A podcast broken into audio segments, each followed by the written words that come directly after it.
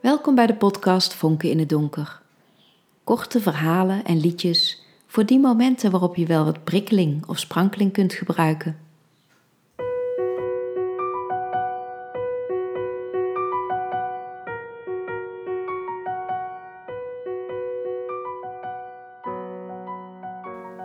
Meedragen.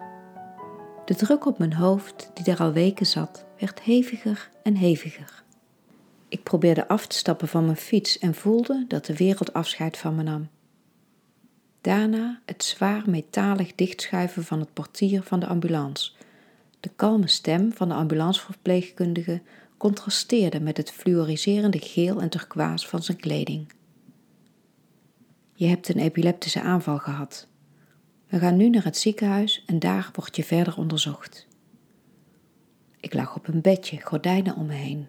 Daarbuiten was het rumoerig, maar hier, net rondom het bed, was het rustig en vredig. Daar was Anna.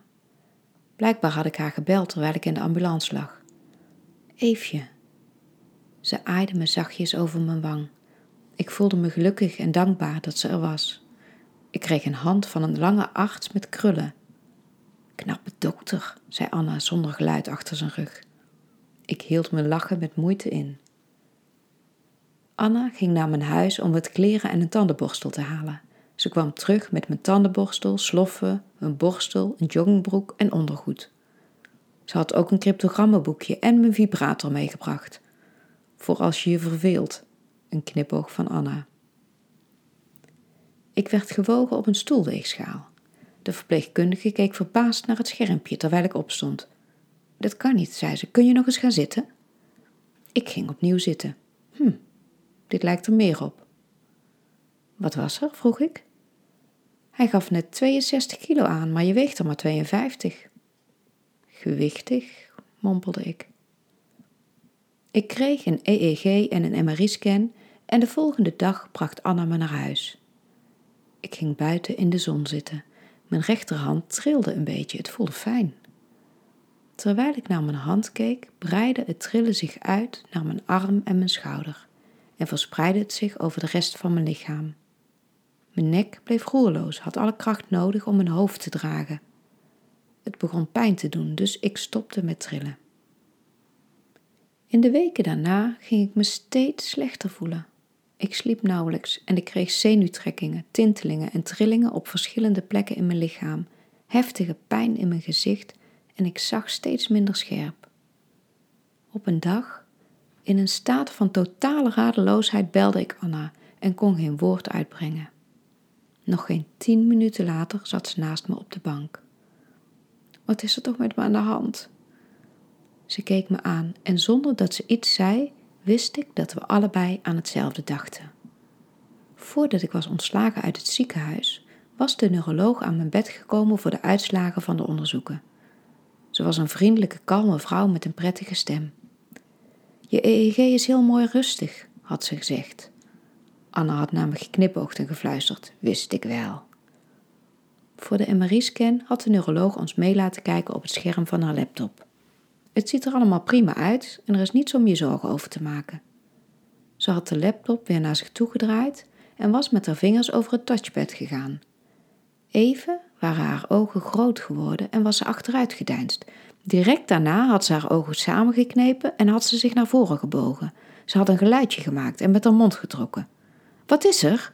hadden Anna en ik tegelijkertijd gevraagd. Niks hoor.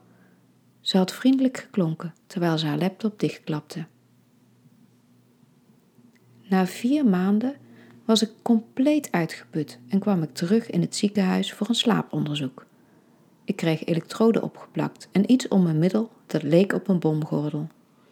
Toen ik helemaal beplakt en begordeld was, liep ik de wachtkamer in en zag dat Anna met een schoonmaker stond te praten.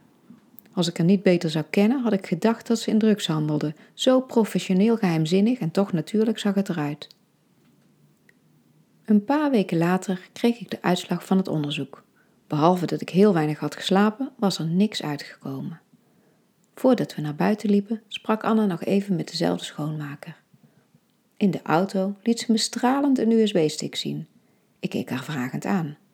Je MRI-scan! Ik stamelde. Wat? hoe heb je die. Maar dat is toch. Pijnig jij je mooie hersenen dan maar niet mee? Ik ken mensen, laten we het daarop houden. Thuis stopte ik met mijn jas nog aan en trillende vingers de USB-stick in mijn laptop. Er stonden verschillende bestanden met rare namen op. Ik probeerde ze te openen, maar dat lukte niet. Trek nou maar eerst je jas uit en ga even rustig op de bank zitten, zei Anna. Hoe kan ik nou rustig zitten? Anna nam een jas aan. Ga dan maar onrustig zitten. Ze belde iemand en ik hoorde haar praten over het downloaden van een programma. Ondertussen was ze bezig op mijn laptop. Kut! riep ze ineens. Kut, kut, kut, kut, AVG! Ze had het juiste programma gedownload, maar mijn scan bleek beveiligd te zijn met een code. Sorry, zei ze. Ik dacht echt dat ik het voor elkaar had. Geeft niks, zei ik. En ik voelde weer hoe moe ik was. Het is ook niet zo dat ik ineens beter zou zijn als we de scan wel zouden hebben. Nee, zei Anna, maar leek met haar gedachten ergens anders. Sindsdien is er weinig veranderd. Ik voel me ellendig en sleep me trillend, tintelend en slapeloos door de dagen en nachten heen. Af en toe denk ik dat ik liever dood zou zijn, maar meestal beperkt de somberheid zich tot de gedachte dat dit geen leven is. De deurbel gaat lang en hard. Anna kijkt me ondeugend aan en geeft me een USB-stick. Deze kun je wel openen. Anna, wat heb je gedaan? Weet je zeker dat je het wilt weten? Heel zeker. De prikkelingen in mijn lijf worden verdrongen door de nieuwsgierigheid. Weet je nog, die knappe dokter met zijn krullen op de eerste hulp? Ze vertelt dat ze op een avond dat hij later dienst had, de lichten van haar auto aan had laten staan, net om de hoek bij het ziekenhuis. Hij had haar geholpen de accu op te laden. Een vrouw als Anna kun je niks weigeren. En zij had hem bedankt met een speelgoedauto die ze toevallig bij zich had, die toevallig precies de Volvo XC90 was die hij reed. Nog geen week later was ze hem toevallig tegengekomen toen ze voor de deur van zijn kapper bijna tegen hem opbotste. Leuk haar, had ze gezegd. Afspraakjes voor koffie en etentjes waren even onafwendbaar geweest als de uurtjes in hotels tussen zijn diensten door. Hij zou natuurlijk nooit informatie over patiënten aan anderen geven. En hij zou er enorm door in de problemen komen, maar voor Anna had hij een uitzondering gemaakt. Ik kijk haar met grote ogen aan. Jij hebt een dokter verleid om mijn MRI-scan te krijgen? Ik probeer zo streng mogelijk te kijken, maar voel de dankbaarheid uit mijn huid naar buiten stralen. Ja, als je het zo wilt stellen, zegt Anna. Maar ik vind hem echt lief en leuk en hij ruikt zo lekker. Ik schud mijn hoofd. Morgen maak ik het uit hoor. Ik zal hem wel missen, maar ik wil zijn huwelijk ook niet kapot maken. Hij is getrouwd? Tja, Anna haalt haar schouders op. Laten we nou maar naar die scan kijken. In een paar klikken zitten we in mijn hersenen. De vorm van de schedel, de plooien, het is allemaal duidelijk te zien. In zwart, wit en grijs tint en in drie dimensies. Als Anna verder naar boven scrolt, verschijnt er op de bovenkant van mijn hersenen ineens iets in kleur in beeld. Iets groots en hoekigs dat uitsteekt. Punten, twee felgroene lijnen. Daartussen een vlak in een wit-gele kleur. Anna scrolt verder naar boven en draait het beeld. Wat is dit? We kijken ingespannen en houden onze adem in. Een boek, zegt Anna. Ja, het is een enorm dik boek met een felgroene kaft. Letters op de kaft verschijnen, terwijl het beeld verder draait.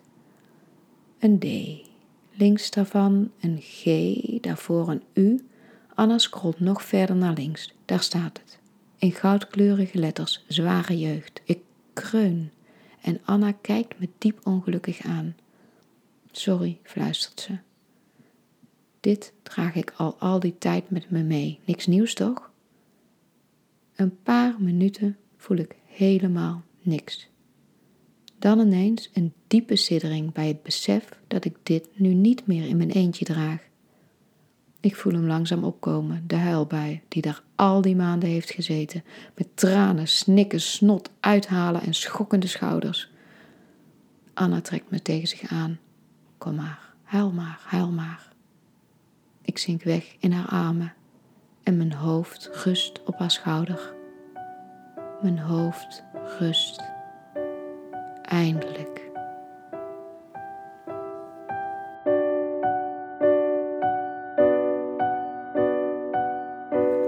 Bedankt voor het luisteren naar Meedragen, aflevering 9 in de podcast Vonken in het Donker. Volgende keer het verhaal Troon. Graag tot dan!